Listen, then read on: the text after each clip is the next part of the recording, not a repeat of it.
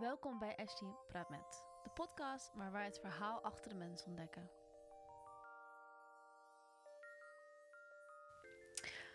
Voordat we gaan beginnen, moet ik heel even een shout-out doen voor Frites Uniek. Ehm, die zitten in het Scheepvaartkwartier. Die hebben dus voor mij heel snel een frietje gemaakt net, omdat ik aan het haasten was voor de podcast. Dus even shout-out. Alex Gerben, dankjewel.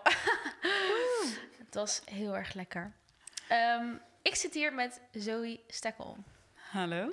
Misschien even je microfoon een beetje dichterbij zetten, Ja? zodat je niet naar voren hoeft te gaan. Oh ja, Ja. thanks. Ja, Goeie. no dus relaxen. Hoe voel je je? Ehm, goed, ineens, ineens een klein beetje nervous. Ik zou niet weten waarom. Maar ineens denk ik, oh, spannend. Heb je wel eens een podcast eerder gedaan? Niet. Misschien is dat de reden. Ja. Nog nooit. Eerste podcast. Ja. Ja. Snap ik. Had je dat ook, de eerste keer? Of? De eerste keer, nou, heb je het, ge- heb je het geluisterd? De eerste. De eerste heb ik nog niet geluisterd. Ik de ben laatste echt paar. a bag of nerves. Ja? Het is echt, ik Maar ben nu echt, dan? Nee, nee. Oké. Nu, vind ik, Nee. eh, nu is er een soort van spanning, maar dat is eigenlijk alleen maar leuk. Het is Ja. niet, Ja. Voel me Hmm. niet, nee, ik voel me Maar ik heb ooit wel, eh, zeg maar, meegekregen dat spanning juist ook goed kan zijn. Dat betekent niet per se dat het Ja, ja. slecht is. Ja, Dus eigenlijk moet je altijd wel een beetje spanning hebben, gezonde spanning. ja, Dus eh, dat betekent dat je nog excited bent. ja, ja, ja. Nee, ik vind het heel erg leuk, dus dat is zeker. Mooi. Ehm, jij zit hier omdat ik had op Facebook volgens mij gezet dat ik dit aan het doen was. En Ja. jij zei gelijk, yes! Ik wil. Ja. Wat, waar Ja. kwam dat vandaan? Waar, waar was de, wat was de ik, enthousiasme eh, erin? Ik ben nogal een prater voor de mensen die me kennen, die dat weten. En eh, bij jou weet ik dat je echt iemand bent die de diepgang ingaat. Het wordt geen oppervlakkig iets. En ik was very, very excited over iemand die ik zelf ken die een podcast gaat beginnen. Want ik denk dat het gewoon, that's something really good. Dus ehm, toen dacht ik, ik wil praten. Ik weet niet waar we het over gaan hebben, maar ik wil gewoon met je praten. Ja. En ik heb je lang niet gezien. ja. Ja, want je ziet niemand meer in deze tijd natuurlijk. Nee, en daar Dus, hadden we het dus eh, net over. Ja, Want eh, ik noemde jou introvert, extrovert. ja. Volgens mij is daar ook een bepaalde benoeming voor, maar ik weet dat Nee, niet. dat is, volgens mij is dat hem gewoon hoor. Want Ja? ik heb een TED-talk geluisterd waar ze dat aan het uitleggen waren. Toen dacht ik, Eureka, dat is hem. Want Ja. ehm, je hebt het heel goed gezien. Want je begon met dat ik heel veel op feestjes en buiten... Toen dacht ik, ja, maar ik ben eigenlijk ook gewoon heel graag alleen. Ja, En toen zei je dat meteen erachteraan. Toen dacht ik, spot on. ja. Dus eh, Maar hoe is dat voor je nu, aangezien er eigenlijk geen buitenleven meer is? in het begin vond ik het nogal prima. Ja? Alleen wat ik op een gegeven moment merkte is dat ik dacht... Er is een verschil tussen ik ben graag binnen en alleen... Ja. En dat kies ik. En op dit moment wordt de keuze voor me gemaakt. En vrijheid vind ik heel belangrijk, op nummer één. Dus op dat moment, op een gegeven moment dacht ik wel... oh mijn god, ik ben niet vrij meer. Ik kan niet eens kiezen om alleen te zijn of naar buiten te gaan. Die keuze is er gewoon niet. Dus op een gegeven moment was dat wel een beetje ongemakkelijk. En dacht ik, ehm, hoe moet dit gaan vormgeven in de toekomst? Nu we in de tweede lockdown zitten, moet ik zeggen... ja, je went eraan. Het is Ja. heel vervelend om te zeggen, maar je went eraan. Ja, Dus dat is denk ik ook wat wij als mensen... We zijn, wij kunnen heel goed aanpassen. Dat is Ja. gewoon, denk ik, mensen eigen. ja. Aan de ene kant voelt het heel soort van... Dus heel Onnatuurlijk veel ook Ja, wel hoor. Ja. Onnatuurlijk. We zijn natuurlijk kuddedieren. Dus we missen gewoon dat, eh, weet je wel, dat aanraken, bij elkaar zijn, bij elkaar komen. Dus het voelt ook wel onnatuurlijk. Maar ja, jeetje, wie zal het zeggen hoe het vorm gaat geven? ja, dat weten we. En wanneer? En, eh, ik denk dat we... We kunnen daar helemaal geen uitspraken over doen, denk ik. nee. Wat ik net zei, ik denk wel dat ik mijn ideeën heb over hoe het vorm gaat geven, maar wanneer? Ik denk wel dat dingen geleidelijk zullen lopen. Ik denk niet dat in één keer, oh, ik denk niet dat het in één keer zo zal zijn Ja. dat we weer eh, met z'n allen ergens kunnen zijn. Ik denk wel dat het een beetje geleidelijk zal gaan. Ik hoorde pas in een podcast ehm, de oprichter van Lowlands. En, die, en dat was in december, zei hij dus dat hij eigenlijk gehoopt had, of hoopt, dat Lowlands dan eh, Lowlands 2021, dat zou hem helemaal gaan worden. Nou, we zijn een paar weken verder. De lockdown is ingegaan en we krijgen nog drie weken erbij. En toen hoorde ik hem zo praten en toen dacht ik, als zou Lowlands door kunnen gaan in augustus, kan je dat nog niet met 60.000 man doen. Want dat, je kan niet in één keer gaan van een lockdown naar hey, 60.000 man op één terrein. Ja. Dus ik denk dat dat allemaal soort van geleidelijk zal gaan lopen. Dat we weer bij elkaar kunnen komen en zo. Ja, Dus, ja eh, en mijn, ik denk ook zeker van wat, wat... Kijk, alle subsidies en alles, zeg maar alle zekerheid... tenminste Ja. zekerheid, hoeverre Ja. je zekerheid hebt financieel... van een festival organiseren, ja. dat, dat valt ook allemaal weg. ja. Dus waar zometeen is er überhaupt geld om, om Hmm. dingen neer te zetten? Ik denk het wel, want het geld blijft natuurlijk. Er zijn natuurlijk wel industrieën die veel meer aan het maken zijn op dit moment. En moeten we niet vergeten. Ik weet dat Ja. er mensen zijn die natuurlijk kopje onder gaan. Kijk maar naar de winkelstraten. Maar er zijn ook mensen die juist incashen. eh, Ja. cashen op dit moment op de ehm, pandemie. En op een eh, economie dat gewoon eigenlijk ook gebouwd is soms. Op, eh, hoe noem je dat ook alweer? Noem je dat nou? Wanneer de, economie, wanneer de economie instort. Oh, Wat is het woord ook een alweer? recessie. Ja, er is nat- natuurlijk ook een bepaalde groep dat op recessies juist heel goed doet. Ja, Dus eh, we moeten niet vergeten dat het geld is er wel. Het komt wel ergens vandaan, zeg maar. ja. Alleen, ik denk waar je voor moet waken, is dat grote feesten. Ik denk dat ze voorheen altijd goed gingen. Festivals gingen goed. Je kon het niet bedenken of er komt een festival bij. We ja. hadden zelfs bitterballenfestival. en ik denk dat ze gewoon dachten, oh ja, we gaan goed. Dit kan niet fout gaan. Maar ja, niemand zag het aankomen dat we in een pandemie zouden raken. En ik denk dat je nu heb je heel veel illegale feesten. For what I've heard. Ik ben zelf nog niet naar één geweest. Stiekem had ik wel uitgenodigd willen worden, maar voor mijn gezondheid niet. Maar je hebt natuurlijk voor van die illegale feesten en die gaan steeds groter gaan worden. En uh, hoe meer eh, mensen er komen, hoe legaler het wordt, hoe groter zij worden. Dus ik denk ook wel dat sommige grote organisatoren een beetje denken: we moeten wel weten hoe we dit straks weer oppakken. ja. Zeg maar. Dus ik denk dat alles geleidelijk zal lopen. En dat het veel digitaal gaat worden. Bereid je voor. ja. Heel veel digitaal. Veel meer thuiswerken. Veel meer virtual. ja. Dus dat vind ik wel spannend. Ja? Ja, Hoezo? zeker. Ik vind het exciting, maar ook spannend omdat ik niet wil dat we het compleet kwijtraken om met elkaar in contact te staan. Ja, Ik wil niet dat we dat kwijtraken. En ik denk dat onze generatie, dat generatie, generatie X en zeg maar wij, Y, de millennials, ja. wij kennen dat nog. Uit eten gaan, bij elkaar zitten, ehm, feestjes. Maar generatie Z en alles wat straks erna komt, voor hun wordt het een beetje normaal dat ze niet heel erg, ehm, weet je wel, in touch Maar dat is volgens met mij nu al zo. Als je nadenkt over bijvoorbeeld de invloed van, van smartphones, weet je? Dat kinderen, they're losing their social skills klopt, eigenlijk. klopt. Eh, ehm, ik heb sinds kort een relatie en hij heeft een dochter van 13. En toen, zei, eh, toen was zij heel de tijd op de telefoon. En toen zei hij, waarom ga je niet eh, met je vrienden spelen of iets doen? Toen zei ze, papa, al mijn vrienden zitten hierin. Het is heel bizar. Ja. Zij denken al heel anders. Voor hun is het oké. Het is voor hun oké als ze één keer in de zoveel tijd bij elkaar zouden komen of wat dan ook. En voor ons, ja, wij, wij waren het gewend om één keer, twee keer per week ergens te zijn en elkaar te zien en eh, wat dan ook. Ja. Dat, dat zal toch verdwijnen. Ja, soort van. weird hè? Ja, het is echt heel raar dat dat En ik denk zijn. ook niet, het is niet positief denk ik. Nee, maar positief voor ons niet bedoel je? Of voor... Nee, ik denk, ik denk dat het. eh, ik denk dat het schadelijk is. Ik denk dat, weet je, ik, als je gaat kijken naar wat als mens zijnde je basisbehoeftes, Ja, oké, eten, ja. eten, water, weet je, maar je tweede basisbehoefte, sociaal contact, staat Klopt. heel hoog. Ja, En als dat niet meer gaat gebeuren, wat, wat gebeurt er met de ontwikkeling van? ja, Net zoals zeg maar, als je een kitten of een puppy neemt en je Ja. neemt het te, te, te snel weg bij zijn moeder of bij zijn, Ja. bij zijn broertjes en zusjes. Oh ja, dat ki- ja, dat ja, ja. Puppy of dat kitten heeft ook gewoon last van niet sociaal genoeg Klopt, zijn. zeker. Dus hoe gaat dat zich manifesteren in de generatie die nu aan het opgroeien Maar is? heb je al eens gehoord van huidhonger? Dat is dan wat we nu hebben, huidhonger. Want we missen om elkaar gewoon aan te raken, dat.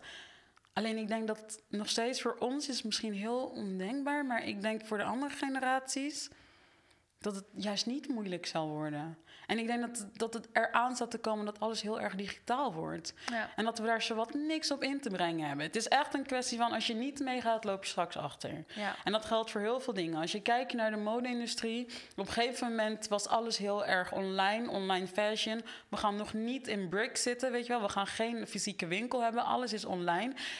En dan zijn er merken vanuit online heel groot geworden... die wel bijvoorbeeld nu fysiek gaan. Maar merken die al fysiek waren... die heel de boot hebben gemist van het online... die zijn er onderdoor gegaan. Ja. Dus of je gelooft eraan, want ik denk dat onze generatie nog opstandig kan zijn. Dat ehm, zeg maar, wij gaan nog wel wat huidhonger hebben en dat we wel elkaar willen zien. Maar ja, we- zitten met onze hoofd qua business, denk ik. Heel veel mensen zitten al bij generatie Z.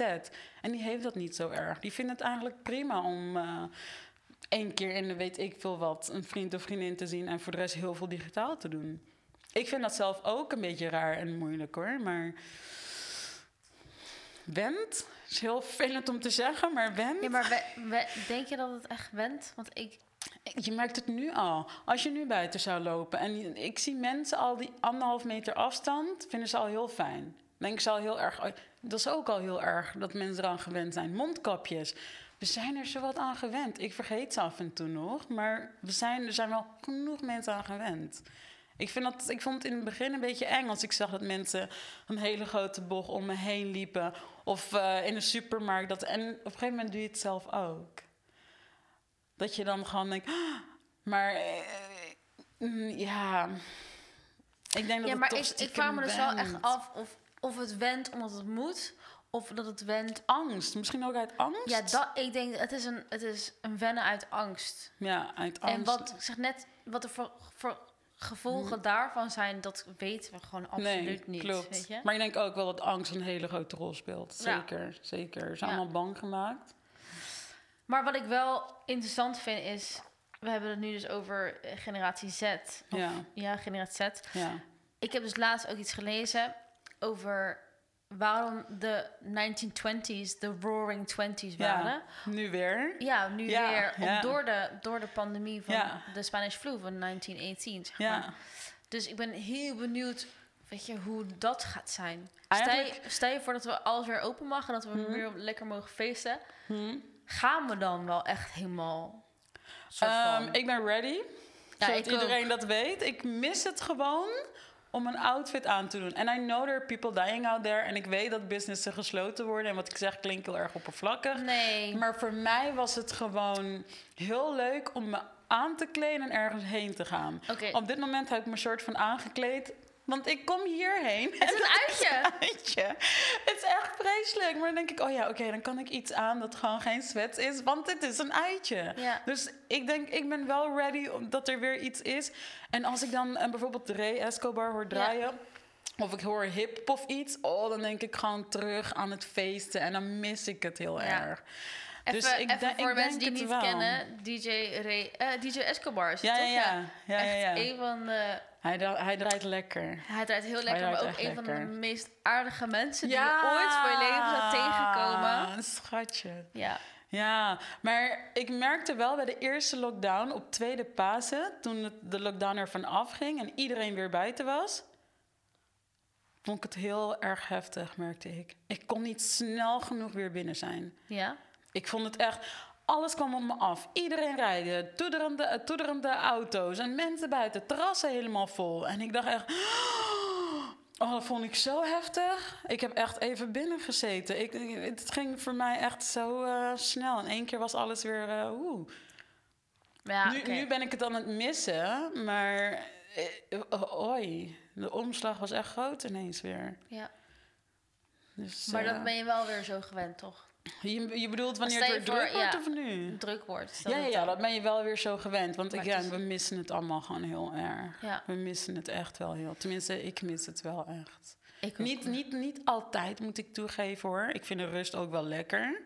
Ik vind het ook wel lekker dat ik het eh, idee heb dat we even in een, eh, hoe zeg je dat, dat alles even reset button. Ja. Dat het universum heeft gezegd van, weet je, even allemaal reset, even allemaal stop, even nadenken. dus dat vind ik ook wel gewoon een voordeel. En dat inspireert me qua creativiteit en dingen doen. Dus dat, het heeft zijn voordelen. Ja. Het heeft ook wel zijn voordelen. Laten we het daar even over hebben. Want je zegt, ja. ik mis het om me aan, zeg maar, me op aan...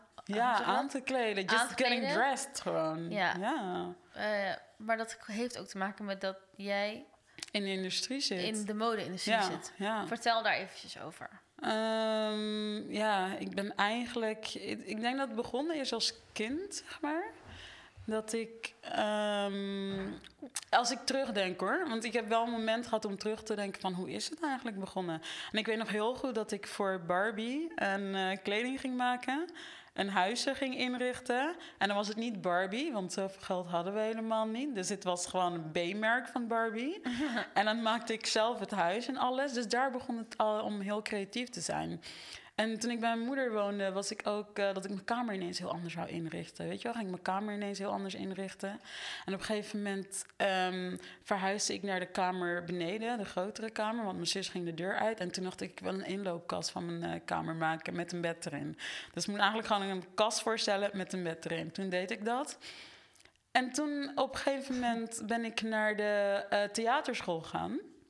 Maar toen ging theatervormgeving doen. Ik begon eerst met theater zelf en daarna theatervormgeving.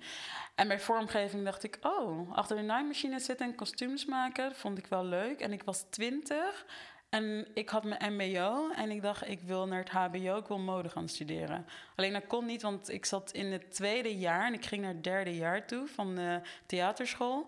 En toen uh, wist ik, ik kan mijn 21 plus toets doen. Dus ben ik mijn 21 plus toets gaan doen. En toen mocht ik naar het HBO. Dacht ik, yes, yes, nu ga ik mijn bachelor halen in design. Dat heeft wel even geduurd, moet ik zeggen. Waar heb je gestudeerd? Ik heb het AMFI gestudeerd, Amsterdam Fashion Institute. En ik ben tussendoor even gestopt. Want toen ben ik uh, voor mijn stage verhuisd naar Zweden. Het was Londen of Zweden. Naar Zweden toe gegaan. En um, toen ben ik gewoon verliefd geworden op Stockholm. En toen dacht ik, ik blijf hier. En toen ben ik gaan solliciteren naar mijn stageplek. En toen ben ik aangenomen bij de H&M als designer. En toen vond ik het allemaal heel leuk. Totdat ik erachter kwam dat commercieel niet zo leuk is voor mij.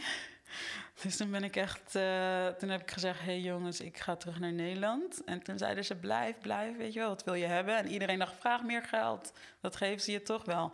En toen uh, dacht ik echt, wat wil ik? Wil ik, wil ik hier blijven en commercieel zijn? Niet commercieel zijn, want je hoeft niet heel je leven te doen. Of wil ik gewoon teruggaan naar, uh, naar Nederland, want ik moest eigenlijk ook nog mijn studie afmaken. Want ik, en ik kwam er toen in het jaar achter dat je eigenlijk gewoon mag stoppen op het HBO. Volgens mij mag het, volgens mij HBO, universiteit, mag gewoon stoppen voor een jaar of twee en daarna mag je gewoon door. Dus um, toen wist ik, ik kan gewoon door waar ik gebleven ben. Maar ik merkte dus wel dat ik van binnen gekild werd. Ik voelde me een beetje. Um, ik, ik, ik, het is moeilijk om uit te leggen, maar ik, het was zo commercieel voor mij. Op een manier zo makkelijk ook. Maar het was geen uitdaging. Ik voelde gewoon mijn creativiteit, dat het gewoon een beetje gekild werd. En dat is prima als het iets is wat je wilt, maar dat ging voor mij niet op. Dus toen besloot ik toch maar terug te komen naar Nederland. En toen heb ik uh, mijn studie afgemaakt, mijn laatste jaar afgemaakt. En uh, met heel veel pijn, moet ik zeggen. Op het eind van mijn laatste jaar zeiden ze... nou, je had toch maar naar de kunstacademie gaan moeten. Toen dacht ik, uh, jongens, dat hadden jullie in het eerste jaar al moeten zeggen. Echt? Ik, ja, ja, je gaat me nu laten afstuderen ook. Dus ik heb echt met moeite ben ik, afgestudeerd.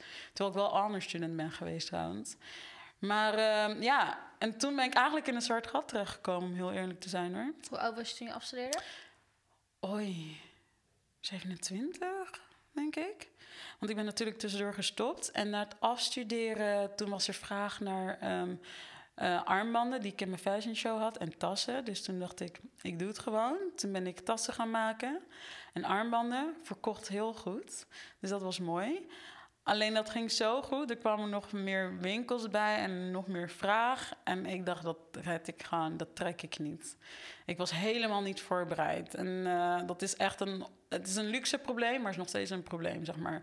Want je moet dan ineens gaan denken aan productie en hoe wil ik dit gaan voortzetten. En toen heb ik de stekker eruit getrokken. Toen heb ik de stekker eruit getrokken. En ik denk ook omdat ik zelf merkte op een gegeven moment dat ik ook nog wel moest dealen met een paar trauma's hoor. Ook depressief geweest en zo. Dus ik denk echt dat ik een heel ander persoon moest worden. Niet een ander persoon, meer mezelf moest worden. In de kern meer mezelf moest worden. Om echt te weten wat wil ik en wat ga ik oppakken en waar ga ik mee door. En nu zijn we gewoon jaren verder. En ik moet zeggen dat ik pas in 2020 echt voor mezelf de knoop had doorgehakt. En want in de tussentijd, want ik de laatste keer dat ik jou echt langdurig heb gesproken was Mm. toen werkte je voor de Hudson Bay. Ja, dat is misschien nu klopt. tweeënhalf jaar Ja, geleden. klopt. klopt ja. En, maar je, je, gaf toen al aan dat, dat, dat je daar niet blij mee was. Nee, nee, nee, dat ging al niet goed. Ik begon daar ehm, toen ze net open gingen als eh, visual. En ehm, dan ga je een paar filialen zijn we gaan opbouwen. Hartstikke leuk. kwamen mensen vanuit eh, Australië, vanuit Amerika. Echt de beste mensen. Van seks ook. Superleuk. Al die filialen opbouwen. Op een gegeven moment ga je, ga je op je eigen filiaal ook staan. En dat was in Leiden. En ik merkte dat het, ehm, het werd wat minder. Ik snapte trouwens sowieso niet waarom had ze mee bepaalde stappen had genomen. Als in, gewoon, het ging al heel slecht op eigen locatie. En dan ga je ook in eigen land. En dan ga je ook nog in Nederland.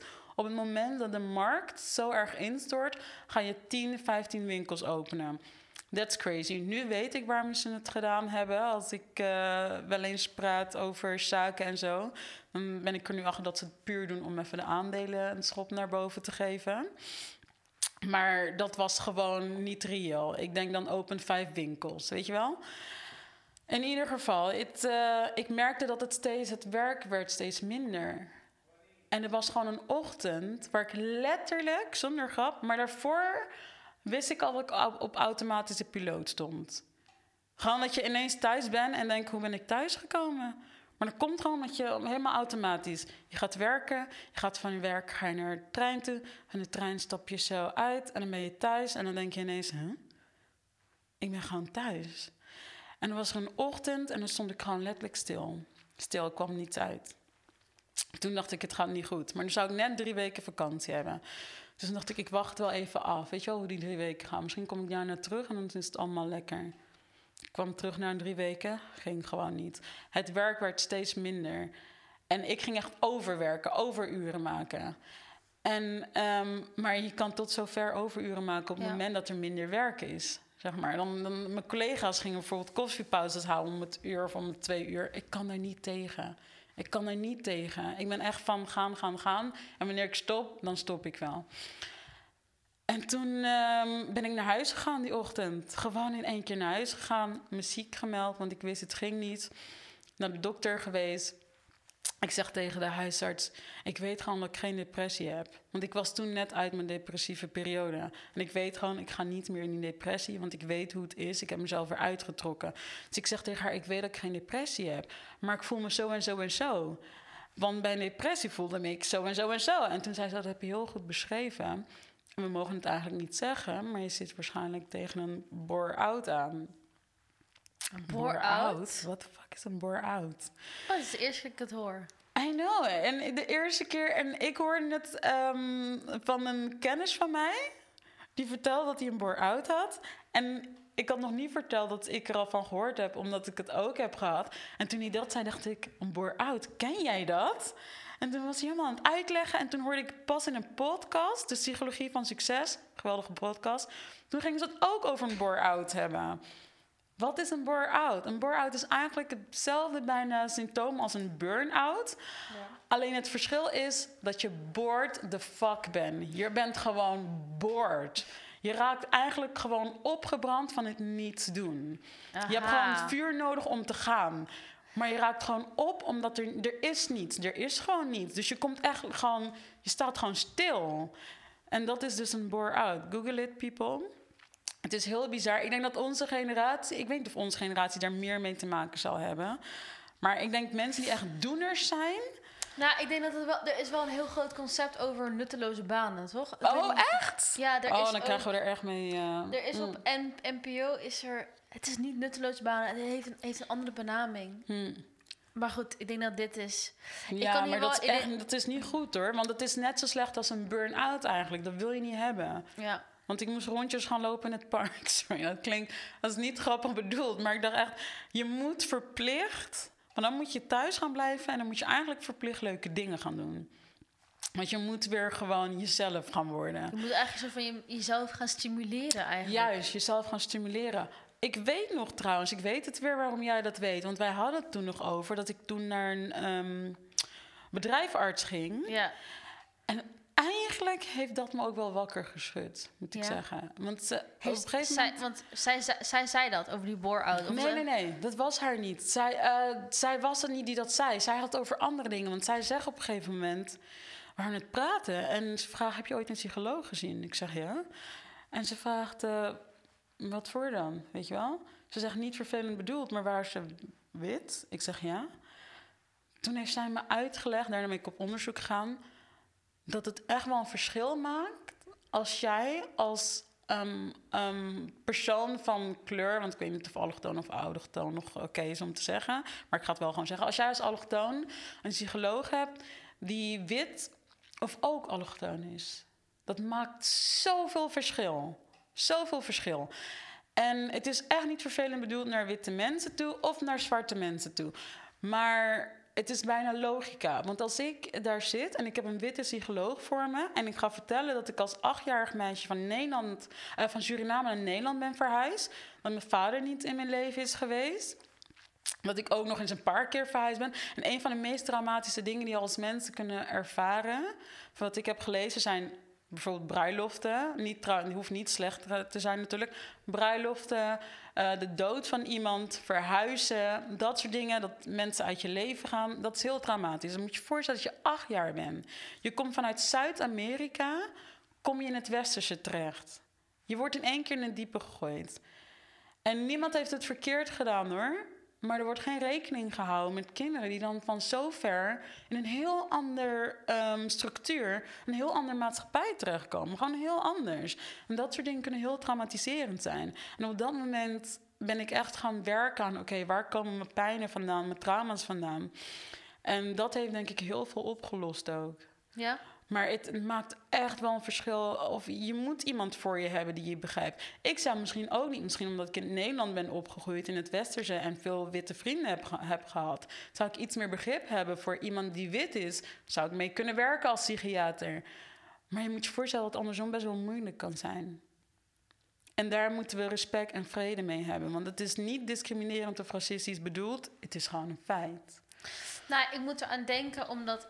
ehm, kijk, ik, ik heb hier zelf geen ervaring mee. Dus Hm. ik kan dat... Ik, ik kan niks... Ja, ik kan, tenminste, ik kan wel veel. Maar ik kan niet... Ja, Begrip hebben sowieso is denk ik heel erg een heel moeilijk concept. Want ja. jij weet niet wat mijn leven is. En Ja. ik weet niet wat jouw leven is. Maar ik moet wel Maar we kunnen aan... wel empathisch zijn. eh, Zeker. En ik denk wel dat eh, collectieve ehm, pijn, dat is Ja. heel erg iets reëels. Ja, En ik moet denken aan de podcast met Christy Haalboom. Dat is Ja. nummer zes volgens mij. Zeven, zes volgens mij. ja, Zij heeft het over dat er speciale psychologen zijn die, eh, die therapie bieden aan Indo- mensen van Indonesische afkomst. ja. aha. Omdat door de hele Indonesische eh, geschiedenis De trauma blijft hangen. trauma, Klopt, ja. het gaat van generatie naar generatie. Ja, dus dat, dat er speciale, Mm. zeg maar, psychiaters hiervoor zijn om Ja. hiermee te dealen. Gespecialiseerd in hoe het is om als Indo door het leven te gaan. Zeg Ja. maar. Dus ik, ik, Zeker. het, klopt, het klopt voor mij ook. Ja, ja, ja. ja. Eh, Maar- En inderdaad, het is niet iets negatiefs. Het is Nee, eigenlijk alleen maar... Het is alleen maar goed. Ja, Ook en voor, voor onze maatschappij, voor onze vooruitgang is het alleen Ja. maar goed. Voor onze ontwikkeling ja. is het alleen maar goed. Mijn vriend is half Joods en die zei het ook. Die heeft ook gewoon, die heeft ook dingen gelezen over dat trauma's van ehm, generatie op generatie gaan. En nou ga ik iets zeggen. Ik denk dat wanneer hij het zegt, dat heel veel mensen het meteen zouden accepteren. Wanneer zwarte mensen hebben over slavernij en zeggen dat trauma's van generatie naar generatie gaan, dan zeuren ze.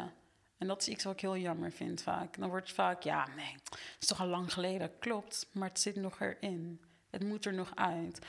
En al is het lang geleden, vandaag is er nog steeds dis- discriminatie. Je wordt er nog steeds aan herinnerd, zeg maar. Dus eh, ik denk zeker wel dat het goed is als we gaan kijken naar dat er psychologen zijn van eigen afkomst. En niet omdat we per se een, ehm, hoe zeg je dat, voor polarisatie willen zorgen, maar ook omdat het goed is voor onze ontwikkeling. Zodat we meer begrip hebben voor elkaar. ja, Dat. Ja. Dus, eh, sterk verhaal, vind ik. Thanks. Maar we hadden het over Ja. jou, jou dus, dus dat Ja, heeft iets voor jou geopend, dat Ja. zij dat heeft gezegd tegen jou. Ja, oh en wat, wat is daaruit gekomen dan? Wat heb je daar Zijn er dingen voor jou opgelost? Zeker, zeker. Ik ben eigenlijk, ik zou bijna willen, maar alles, alles komt, niks komt voor zijn tijd. Ik zou bijna willen dat het al op mijn twintigste was gebeurd. Dan had ik eh, heel anders met mijn studie was ik heel anders omgegaan. Was ik meer zelfverzekerd geweest. Ik ben nu, ik merk in mijn creativiteit dat ik heel erg uh, naar mijn eigen cultuur toetrek. En, maar dan wel in verband met toch wel het Nederlandse. Want hoe je het bent of keer, Suriname is een kolonie geweest van Nederland. En ik ben opgegroeid in Nederland. Dus ik wil die twee vooral samen blijven trouwen in mijn eigen creativiteit. Maar ik kijk nu bijvoorbeeld naar de Kotto, naar de Kotto-missie. Surinaamse kledingdracht. Heel belangrijk geworden voor me. En dat komt eigenlijk omdat ik um, in die periode dat ik een bore-out had... en zo erg bezig was met mijn trauma's en waar ze vandaan komen ben ik echt dieper in mijn eigen cultuur gaan duiken. Ik weet nog niet heel veel, maar ik weet wel gewoon de basis. En ik, en ik weet ook nu dat ik het juist mooi vind om heel dicht bij mezelf te blijven en dat het ook nodig is. Ja. Dus. Uh... En nu, wat voor werk doe je nu? Nu ben ik eigenlijk, ik ben vakdocent, maar ik moet ook zeggen, ik ben eigenlijk ook minder gaan werken voor. Ik, ik ben een van die mensen die niet. En ik heb het echt geprobeerd. Ik heb het echt geprobeerd. Ik kan niet voor een baas werken. Ja. Ik kan niet voor een baas verbaast, werken. Maar dat verbaast mij ook niks hoor. Ja, maar het klinkt zo erg. Um, ik denk voor bijvoorbeeld uh, mensen die wat ouder zijn van leeftijd. Ja, ja. Ik kan niet ik heb het geprobeerd. Ik, ik kan janken dat ik niet kan. Ik wou zo erg dat ik het kon. Het zit er niet in. Dus maar, nu vecht ik voor mezelf. Zo, je, moet je, je moet het gewoon nu gewoon ownen en embrace it. Doe dat ik ook. doe ik ook. Maar het is wel een struggle. De struggle is real. Want nu heb ik dus... Ik ben vakdocent. En dat is wel gewoon heel erg wat vrij. Geef je? Wat geef je? Ik geef um, vormgeving, dus mode. Daar begin ik binnenkort mee. En filosofie. Omdat ik heel erg uh, filosofisch ben. Ik hou er gewoon van om na te denken. En vooral om dat met kinderen te doen. Oh Hoe mijn oud? god. Ik hou ervan. Ik ben eigenlijk begonnen met heel jong. Dus dan heb je het over kinderen van acht jaar. Maar ik ben nu van plan om het eigenlijk te houden op de 14, 13-jarigen. Want dat is eigenlijk, wil ik groep 7, groep 8 aanpakken. Uh, mijn voorkeur gaat wel uit naar scholen die bijvoorbeeld in Zuid zitten. Oh, nee, niet per se in Zuid, maar die in achterstandswijken zitten. Ik, ik voel me geroepen om om kinderen die een beetje weg worden gestopt en vergeten worden door onze maatschappij, om die een eerlijke kans te geven. Ik ben zelf dyslectisch en ik weet, voor mijn gevoel, is er nooit naar mij gekeken als een kanshebber of wat dan ook. Ik heb zelf moeten vechten in mijn opleidingen. Omdat ik in mezelf geloofde en vond dat ik zelf wel, uh, weet je wel, ver genoeg kan komen en iets kan. Um, maar als ik kijk naar dat ik dyslectisch ben en dat ik niet weet wat mijn kansen waren geweest als ik niet voor mezelf was opgekomen, en mag ik wel meer doen, vind ik, dan weet ik niet hoe het was gegaan. En daar is een heel community van kinderen in, vooral in achterstandswijken. En ik wil gewoon hoop geven aan die kinderen dat het allemaal kan. En daarom denk ik dat filosofie bijvoorbeeld heel belangrijk is. Want ze moeten verder gaan nadenken, buiten hokjes gaan denken. En moeten geloven dat ze dat hokje waar ze in geplaatst worden, dat dat maar gewoon iets is wat anderen bepaald hebben. Dus vandaar dat ik heb gezegd, hartstikke leuk dat mensen heel... Want ik zie ook gewoon um, leeftijdgenoten die dan heel erg uh, willen gaan werken op de universiteit... en daar les gaan geven en academisch.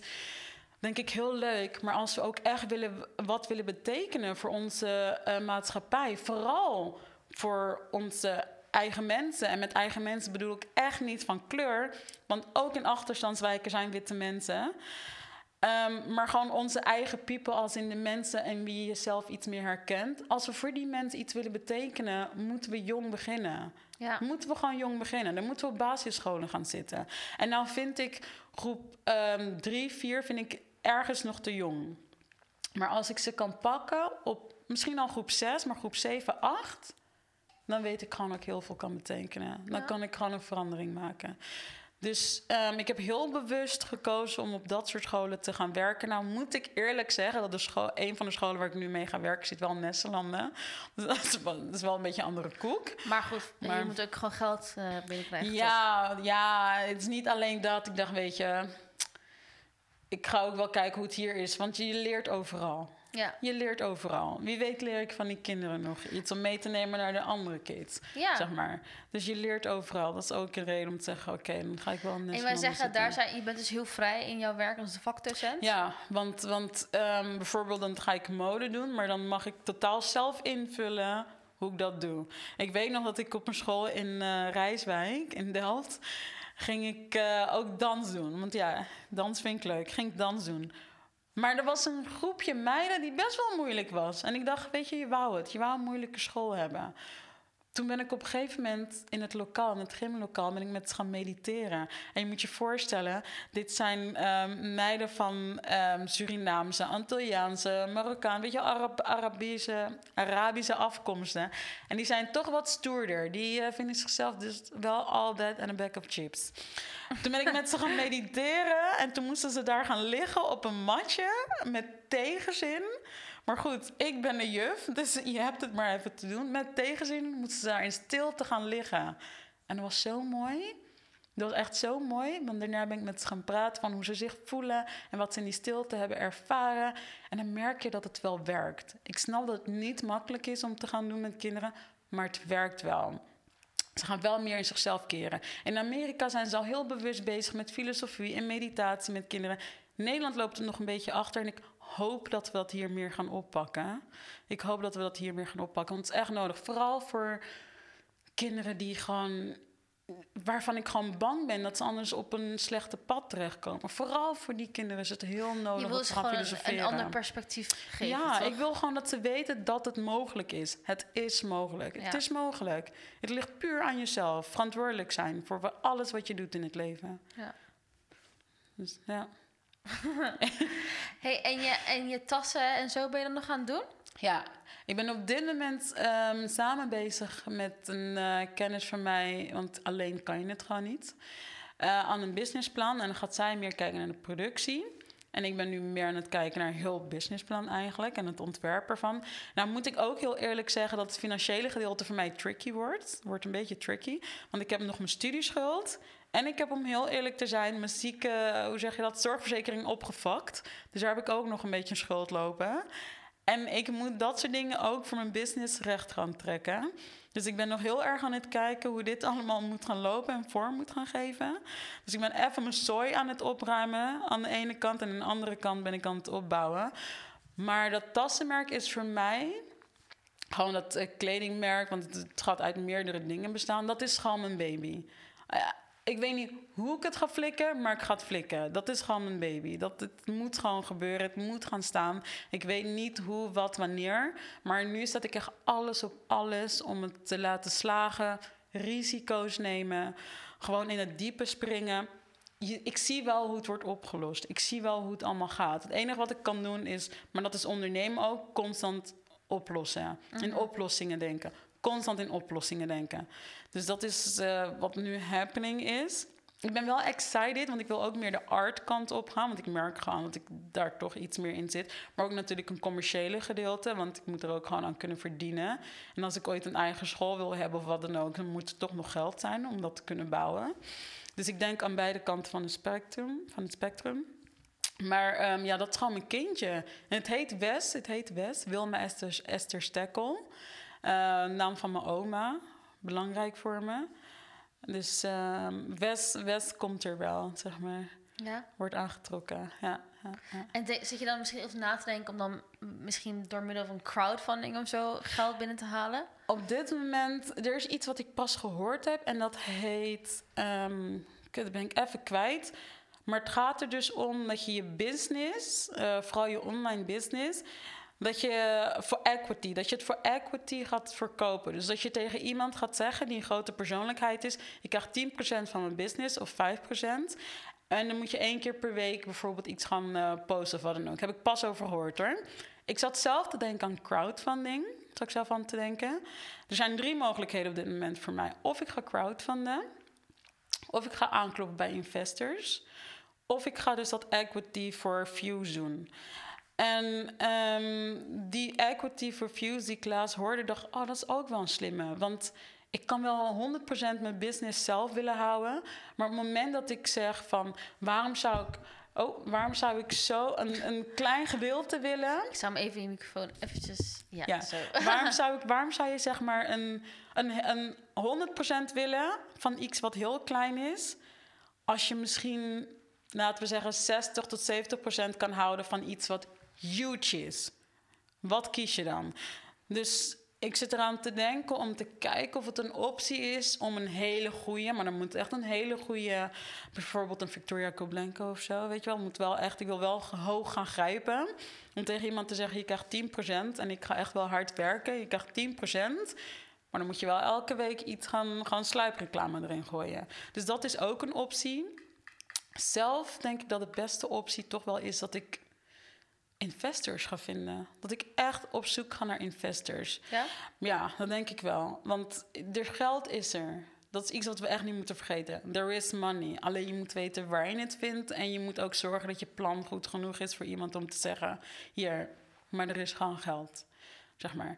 Dus ik denk dat investors voor mij heel belangrijk gaat worden. Ook omdat ik weet dat ik in mijn plan ook opneem. Dat ik heel erg ehm, toch bezig ben met het digitaliseren van dingen. En ook denk aan die generatie Z.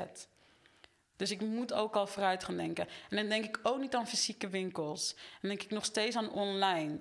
Maar ik denk wel dat ik ooit fysiek wil gaan. En ik denk dat heel veel fysieke winkels toch wel een beetje een experience winkel shop gaan worden. Wat je nu ook al een beetje ziet. Maar het wordt veel meer experience. Want voor echt shoppen hoeven we al niet meer de deur uit. Ja. Dus als we naar een winkel gaan, it better be a damn good experience, zeg maar. Ja. Dus ik denk dat we vooral meer ervaringen in winkels gaan zoeken. En ik denk dat mijn brand daarvoor heel goed zal dienen. Nou ja, ik moet, dan, ik moet dan gelijk denken aan jouw... Ja, wat het zijn vlogs, filmpjes? Ja, ik weet zelf ook niet wat het zijn. Je ik- creaties, ja. je, je visuele cre- videocreaties die, Ja. je, die je online zet. ja, Ehm, het, is, het is allemaal heel erg jij. thanks. En eh, dat, ik vind dat heel krachtig. Eh, jouw, jouw branding daarin is heel krachtig. Dank je. Vertel even een beetje hoe dat is begonnen. Eigenlijk is dat begonnen toen ik bij Hudson B stopte. Toen dacht ik, eh, Als We gaan expressie gewoon. of zo. juist, ik dacht we gaan gewoon. Niks te verliezen. Gooi jezelf out there. Ehm, alle angsten het raam uit eigenlijk. Precies dat. Dingen waar ik me voor schaamde of die taboe, die taboe zijn. Ik ga er gewoon over praten.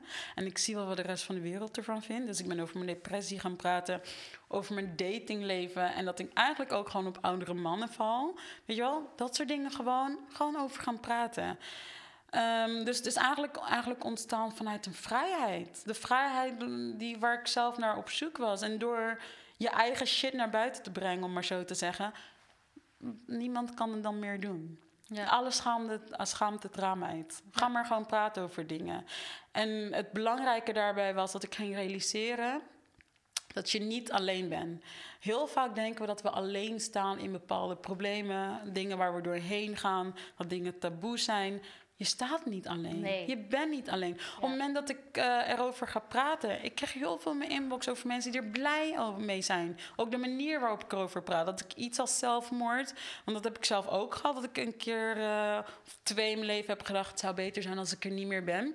Maar dat ik zo'n topic, die eigenlijk zwaar is, dat ik dat wat lichter kan maken. En als Ja. mensen dat zeggen, denk ik, oh, dat is echt fijn. Er zijn mensen die je dan, weet je wel, erop, uh, die je aanspreekt. Dus het is echt puur ontstaan vanuit een gewoon vrij. Ik wil vrij zijn. En ik merk dat heel veel dingen bij mij ontstaan vanuit ik wil vrij zijn. Hetzelfde als met ondernemen. Ik wil gewoon vrij zijn. Ja, ik herken dat. Vrijheid. Ik heb hetzelfde hoor. Ja. Ik zeg altijd, mijn hele leven is gebaseerd op twee dingen. Vrijheid en liefde. Oh, mooi. Ja. Liefde is de kern van alles. Ja, Denken vanuit licht en liefde, dat is ook iets wat me heel erg helpt in het leven. Als je alles doet vanuit licht en liefde, komt het goed. ja. Op het moment dat jij ehm, boos bent op iemand, en geloof me, ik ben echt niet perfect. Ik ben echt niet perfect. Ik heb ook nog wel momenten. En dan moet ik ook tegen mezelf zeggen: Oké, niet doen, weet je wel. Denk vanuit liefde en licht. Op het moment dat je alles wilt zeggen vanuit liefde en licht, zul je het echt anders brengen. Merk je het verschil? ja. Merk je echt het verschil? Ja. En terwijl ik wel vind dat veel dingen die, net zoals deze podcast, dit is Ja. gewoon gekomen uit eenzaamheid. Het is eigenlijk best wel een soort van negatief iets. Maar wel iets maar ontstaan mooie dingen uit. hele, ja, Ja. dat is denk ik ook wel een soort van kracht aan negativiteit. Maar ik ben wel, wel van mening dat ja, het leven dat ik wil hebben, Ja. dat het is een leven dat is uh, doused in freedom, zeg maar. Ja, ja, dat heb ik ook heel erg hoor. Ik ben heel erg op zoek naar die vrijheid. En niet eens op zoek. Want eh, vrijheid zit in je. Pas wanneer je in je geest vrij bent, dan zul je echt vrij zijn. Ja. Alleen je loskoppelen van ehm, dingen die ons worden opgelegd. Ik ben daar best wel rebels in, weet je wel. Over de regels die we hebben en hoe de maatschappij in elkaar steekt. En niet dat ik zeg, ga tegen de regels in. Maar zorg wel dat je alle regels weet, zodat je om de regels heen kan gaan. Ja. Want dat is wat er vaak gebeurt in eh, hogere sferen en in business. Zolang je alle regels weet, kun je ook de moeilijke regels ontwijken. Heel vaak weten wij niet alle regeltjes. Ja. Dus voor mij is het gewoon belangrijk om te weten wat wel en niet mag. Zodat ik vooral ga doen wat ik wil. Dat ik daaromheen werk. Maar ik ben wel een beetje heel erg... ehm, hoe moet je het noemen? Dat, dat, eh, ik, eh, toen ik tegen mijn vriendin eh, in Zweden... Mijn beste vriendin uit Zweden, een Brit... Toen ik aan haar vertelde... Ik zeg, ja, maar ik heb ook nog mijn ziektekosten... en van mijn school... In Stockholm betalen zij niet voor hun ziektekosten en niet voor school. Ja. En ik zou niet weten hoe dat in Nederland zou moeten, want we zitten namelijk eenmaal in zo'n systeem. Maar zij dacht, huh? Moet je betalen voor, voor je ziektekosten? Ik dacht, ja, ja, hier moet je daar gewoon voor betalen, zeg maar. Maar ik ben heel erg dat ik denk, we moeten daar iets anders voor bedenken. Ja. Want hoe kan het dat 90% in Ne- van Nederland, of weet ik veel hoeveel, best wel veel in ieder geval, daar in de problemen mee komt, maar de economie nog steeds blijft drijven? Nou ja, hoe kan het dat ja. er businesses zijn in een ziek, in, wanneer het gaat over medicijnen, ziektes, die er rijk op worden? Ergens gaat iets mis en het is prima voor een groep mensen, want die profiteert er alleen maar van. Maar dat is niet oké. Ja. Niet oké. Er moet, er moet een, dat, dat systeem moet een keer gewoon, vind ik, crashen. Nou ja, ik moet, crash. ik moet lachen. Ik moet een beetje lachen, omdat het is vandaag 15 januari en vandaag is dus ook het kabinet gevallen. Dus... Echt? Heb je het niet I didn't meegekregen? know that. What happened? Ja, het kabinet is gevallen. Ja, maar wat is er gebeurd? Ja, door dat hele toeslagen... Oké, ik ben echt totaal niet de persoon die jou hier op up-to-date kan brengen, want ik... Nee, ik zal dit- straks gaan lezen. ik Maar gaan dus lezen. dat is wel interessant dat je zegt van nou, misschien weet je dat dat dat hele soort van systeem moet veranderen. Ja. Als het goed is, is dat nu al aan het gebeuren. Joh, ken je de film, ehm, een van mijn favoriete films? Eh, Fight Club. Ja, Och, och, och. Op het moment dat alles instort. ja, De wereld heeft dat echt even nodig. ja. Het is heel heftig, ik weet het. Maar ik denk wel dat we het even kunnen gebruiken. Ja. Even letterlijk alle stekkers eruit. Even make it crash. Make it crash gewoon. Dus Weet ik je ben wel. heel benieuwd. Zeg Hoe maar, dat je gaat voor dat, vormgeven hierna. ja, wat, wat er, hoe ons Nederlandse wereldje eruit ziet over een jaar Ja. tijd.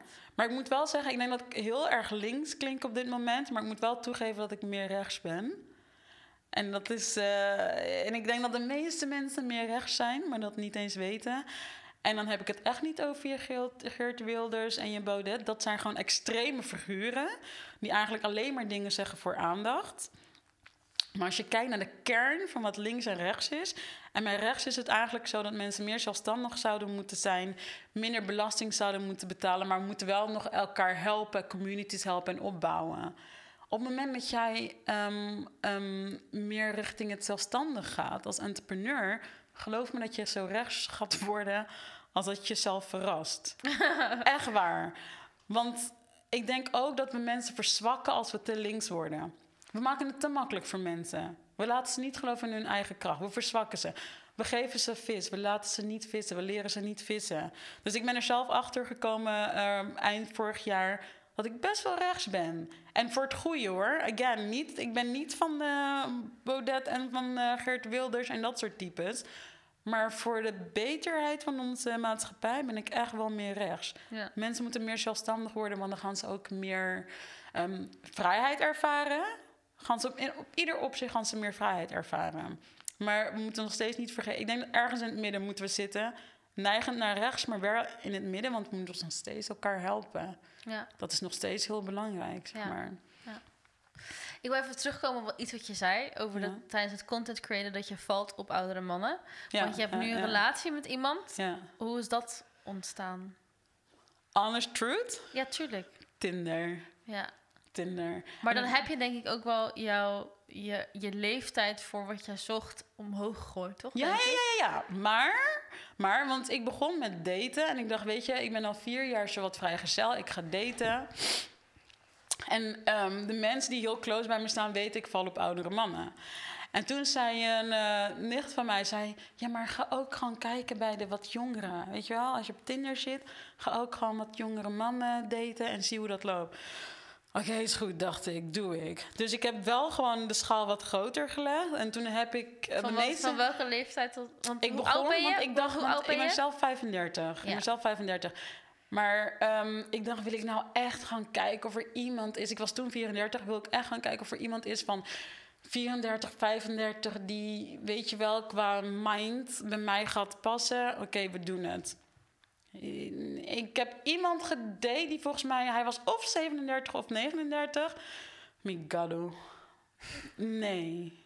Nee. Nee. Ik Maar- weet niet. maar- ik- nee. Maar lag het aan de persoon misschien? Mannen zijn sowieso wat jonger, hè? Qua Ja, denkwijze. Zijn zij sowieso wat jonger. En dat werkt niet voor mij. Ik heb het idee dat ik best wel een oude ziel ben. Hoe kinderachtig ik ook kan zijn, don't get it twisted. Ik kan heel speels zijn, echt waar. Maar in mijn denken en doen ben ik wel gewoon heel erg, vind ik zelf, volwassen.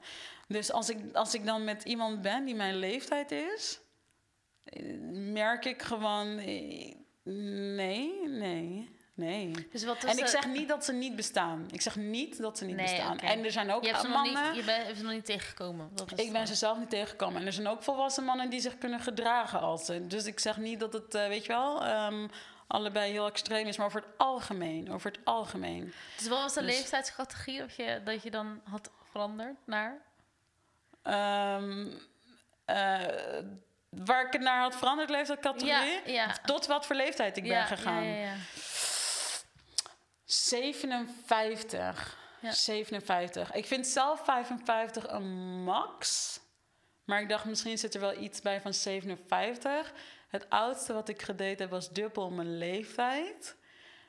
Dus, en dat was gewoon eh, prima, maar niet prima voor relatie. Prima om te daten. Wacht, dus hij was 78? Maar niet een... Nee, nee, nee, nee, nee, nee, nee. Ik was toen 33. Oh, oké. Dus hij was 66. Juist, ja, ja, ja. En dat is hartstikke leuk als minnaar, maar ehm, dat is niet. Ik, ik- voor mij was het niet dat ik dacht, oh, met jou wil ik een relatie. Dat vind ik heel erg om te zeggen, maar it was not it. Ik was gewoon nu aan het experiencen wat ik zo leuk vind aan oudere mannen. En ben ja, je- nu en- durfde ik het eindelijk. Ik vind het wel ook echt heel erg leuk dat je hier zo open over bent. Ah, ja. En ben je er ook achter wat, wat... Dus het is zeg maar de, de leeftijd en Ja. de... Maar is er nog iets anders wat je dan... Wat je leuk vind. Ze hebben meer ervaring natuurlijk, levenservaring. Je kan zoveel leren, zoveel vragen. En ik ben wel iemand die dan valt op oudere mannen die ook echt met kennis komen. Ja. Weet je wel, niet Pietje Puk van om de hoek die eh 57 is en het nog leuk vindt om PlayStation te spelen. Gaat hem niet worden, want dan ben je nog steeds 16.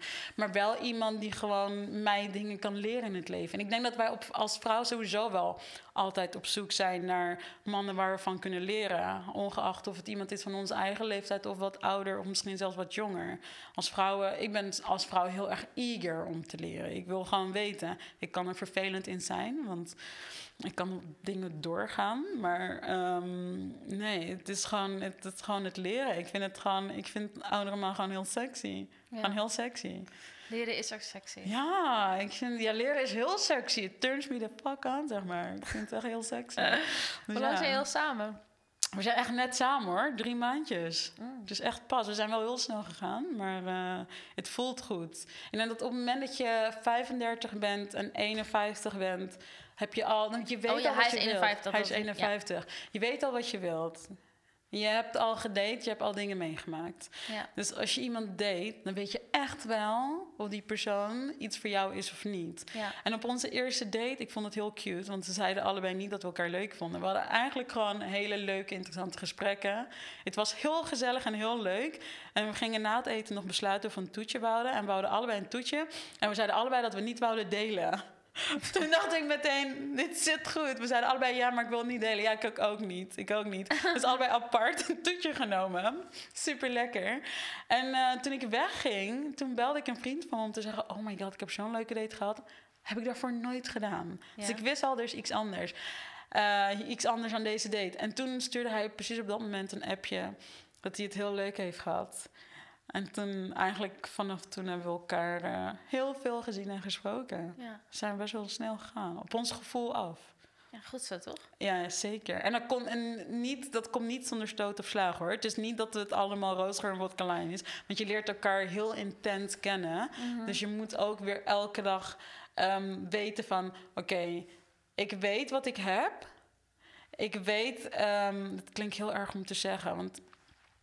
Ik vind het wel belangrijk in het leven. Want ik ben iemand die liever alleen ongelukkig is... dan samen ongelukkig. Nee, dat snap ik. Echt waar. Ik snap dus dat. it better be fucking good, zeg maar. Ja. Want, an- want ik kan ook in mijn eentje ongelukkig zijn. Ja. Dus dan weet ik gewoon, nee, nee, nee. Ik kan me niet voorstellen dat er iemand is die beter bij mij past. En niet arrogant bedoel, maar ik kan me ook niet voorstellen dat er iemand is die bij hem beter past. We sluiten elkaar echt wel goed aan. Ja. En we zijn in het proces om elkaar te leren kennen. Maar we kiezen wel echt om samen te zijn. En om het leven samen te ervaren. Ja. Maar we hebben wel heel veel verschillen. Ja. Leeftijd, kleur, achtergrond. Ik ben creatief, hij is zakelijk. Dus we hebben wel echt heel veel verschillen. Maar eh, dat houdt het ook spannend en leuk. Ik denk dat je daar wel echt iets heel erg ehm, moois aanraakt. Met Ja. de keuze om elke dag wakker te worden en te kiezen voor de persoon waar je mee bent. Ja, om echt, zeker. echt samen te zijn. Om echt samen te zijn met die persoon. Ja. Ik mis hem wanneer hij slaapt trouwens. Hij vindt dat heel vervelend. Hij zegt, ik lig naast je. Ik zeg, is anders. Ja, ja ik denk dat dat is. Ik, ik, ik, voel, ik denk dat je dat heel erg kan voelen bij mensen. Of ze Ja. wel echt voor elkaar kiezen. Ja. Of dat ze gewoon. Maar vooral in de tijd van nu is dat moeilijk dat mensen echt kiezen voor elkaar. Want again, Tinder, dating apps, het is Ja. allemaal mensen zijn Instant disposable gratification, gewoon. Ja. je moet echt gewoon dat, dat eh, authentieke en unieke in, in een relatie en echt me- met elkaar willen zijn en weten wat je hebt aan elkaar. Dat is denk ik steeds moeilijker of zo. En daar ben ik ook blij met wat wij hebben. Ik denk dat we dat ons beiden ook realiseren. ja, koester Weet je wel? Ja, zeker, zeker. Daarom vind ik het ook belangrijk om gewoon voor hem te blijven kiezen. Ja. Ook al kan ik soms heel dramatisch vrouwelijk zijn. dat weet ik van mezelf ook. maar ik weet wel gewoon van nee, nee, nee. Ik kan, het is of, waarschijnlijk is het of hem of maar weer gewoon lekker alleen zijn. Want ik vind relaties is wel werk. Het is een leugen als mensen zeggen ja, maar goede relatie is geen werk. Bullshit. Nee, nee. Onzin, Ik, zeg maar, on. ik vind wel echt heel erg dat de relatie is gewoon het spiegeltje. En je diepste Zeker. pijn. Je, zeg maar, oké. Oh. Maar ik wil erbij Oh. zeggen dat dat hangt heel erg af hoe jij er zelf in staat en wat Ja, jij zelf wat voor relatie je hebt. Want er zijn Ja. mensen die relaties hebben met partners die niet hun daar heel erg in spiegelen en ze zijn Ja. er oké mee. Ja, ja, want zij halen hun soort van ergens anders uit. ja, ja, denken, dus, dus het is ook heel erg wat je zelf denkt. Maar bijvoorbeeld, ik denk dat, tenminste wat ik zie, de, Hm, in mijn hoofd de beste relaties zijn de mensen die zeg maar elkaar echt, ja. they really show, show their shit gewoon. Ja, ja wou, ik wou net zeggen, weet je wat ik het moeilijkste vond, wat ik nog nooit heb gedaan en nu voor het eerst heb gedaan in een relatie. Ik had misschien in mijn puppy love relatie gedaan, waar ik elf jaar samen mee was. Toen begonnen toen we 16 waren, we zijn nog gewoon, gewoon goede vrienden. Maar ehm, dat was puppy love. Maar dan ga je het leven meemaken en dan krijg je een rugzak. Wat ik nog nooit heb gedaan, wat ik nu wel doe, en dat vond ik zo eng, is mezelf kwetsbaar opstellen. Ja, Oh my god, that shit's scary. Jezelf kwetsbaar opstellen naar een persoon dat voor jou nog eigenlijk vreemd is. Want je kent jezelf nauwelijks hè, in het leven. Laat staan iemand anders. Dus jezelf gewoon compleet geven en kwetsbaar opstellen. Dat vond ik moeilijk. Maar wanneer je dat Het eenmaal een doet, is het bevrijdend. het is een beoefening. Echt wel. Want ja. soms kan het wel, soms kan het niet. ja, dat is waar. Dat is waar. Je moet weten waar je gevoelens veilig zijn. ja. Of je gevoelens veilig zijn bij iemand. Het is wel grappig, want ik moet, ik denk dan aan mijn vriend, die zegt, Ja. die, is- Je hebt ook heel langzaam. hè? Ja, 4,5 jaar Ja. nu, ja. En die, dan ben ik soort van een beetje zenuwachtig of iets. En dan zegt Ja. hij, wat is er nou, wat is er Ja. nou? En dan vraagt hij, zegt hij, vraagt hij me een paar keer... en dan denkt hij de rest van de dag van... ja, er is gewoon iets met haar. ja. En hij weet het al, maar ik weet het dus nog niet. Oh, echt? Ja, Ja. Huh? Ja. Ik kende je zo goed. Ja, hij, kan, ja, hij, kan Hij kent je beter goed. dan uit jezelf. eh. Ja, soms wel, ja. Oh. En andersom ook hoor, dat ik Ja, denk, ja, ja. wat ben je, weet je, wat is er wat going on? Ja, ja, ja. Maar dat is, en dan, en dan later op de Oh. dag, dan, dan komt het soort van in één keer zo, brrr, komt het allemaal eruit. Ja, ja, ja. ja. En dan denk ik, oh, dat is wat het was. En dan zegt hij, ja, maar dat wist je toch wel? Ik zeg, nee, dat wist ik Oh. Nee, niet. nee, nee. Nu weet ik het pas. Oh. oh, wow. Ja. Maar zijn jullie heel erg samen spiritueel? Ik denk, nou, het is niet dat we samen spiritueel zijn. Ik denk dat wij gewoon, ik, eh, Betty is gewoon een soort monnik. Ja. Een, een monnik in, in, het, in het normale leven. Ja. Hoe hij leeft is gewoon, ehm, ja, gewoon heel erg, eigenlijk heel erg simpel. Hij houdt van de simpele dingen. Ja. En heeft hij met mij niet zoveel aan, aangezien ik niet simpel ben. Maar ja, zo, hij leeft gewoon heel erg eh, en heel helder. Ja. Hij wil heel helder zijn. Dat is een constant streven voor zichzelf om gewoon zo zuiver en helder mogelijk te zijn Ja. en om zijn shit op te lossen. Ja. Schatjes, jij? schatjes, sorry als je dit allemaal niet in de wereld wil brengen. Ik kan het wel deleten, maar Oh. het is wel waar. Nee, hij vindt het echt niet erg. Ik ja. weet zeker en jij dan? Hoe, hoe, hoe ben jij daar? eh?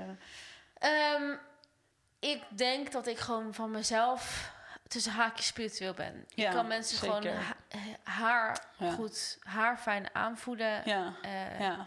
ik, dat heb ik ook wel. ik zie wel vaker de bigger picture van dingen. Ehm, Ja.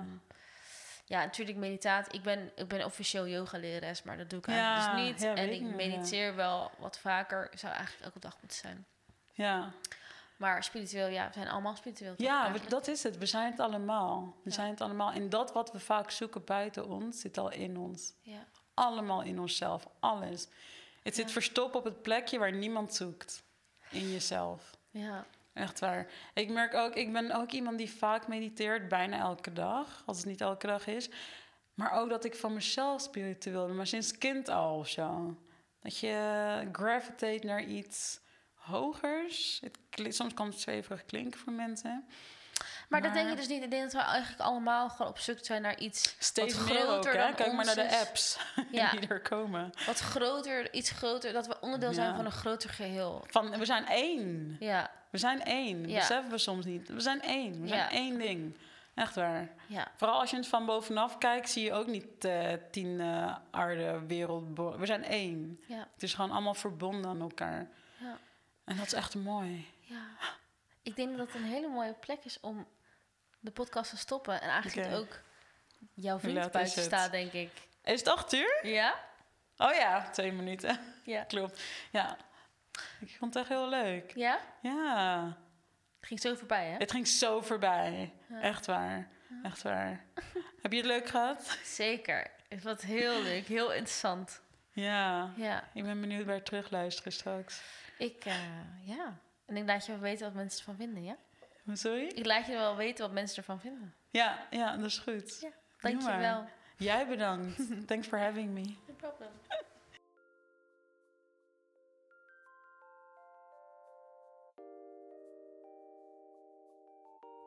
Zo, dat was hem weer. Ik hoop dat je dit een interessant gesprek vond. Zo ja, wil ik je vragen om te abonneren op de podcast en ons te volgen op Instagram Ashley Praat met Podcast. Delen en een review achterlaten wordt enorm gewaardeerd. Tot de volgende keer.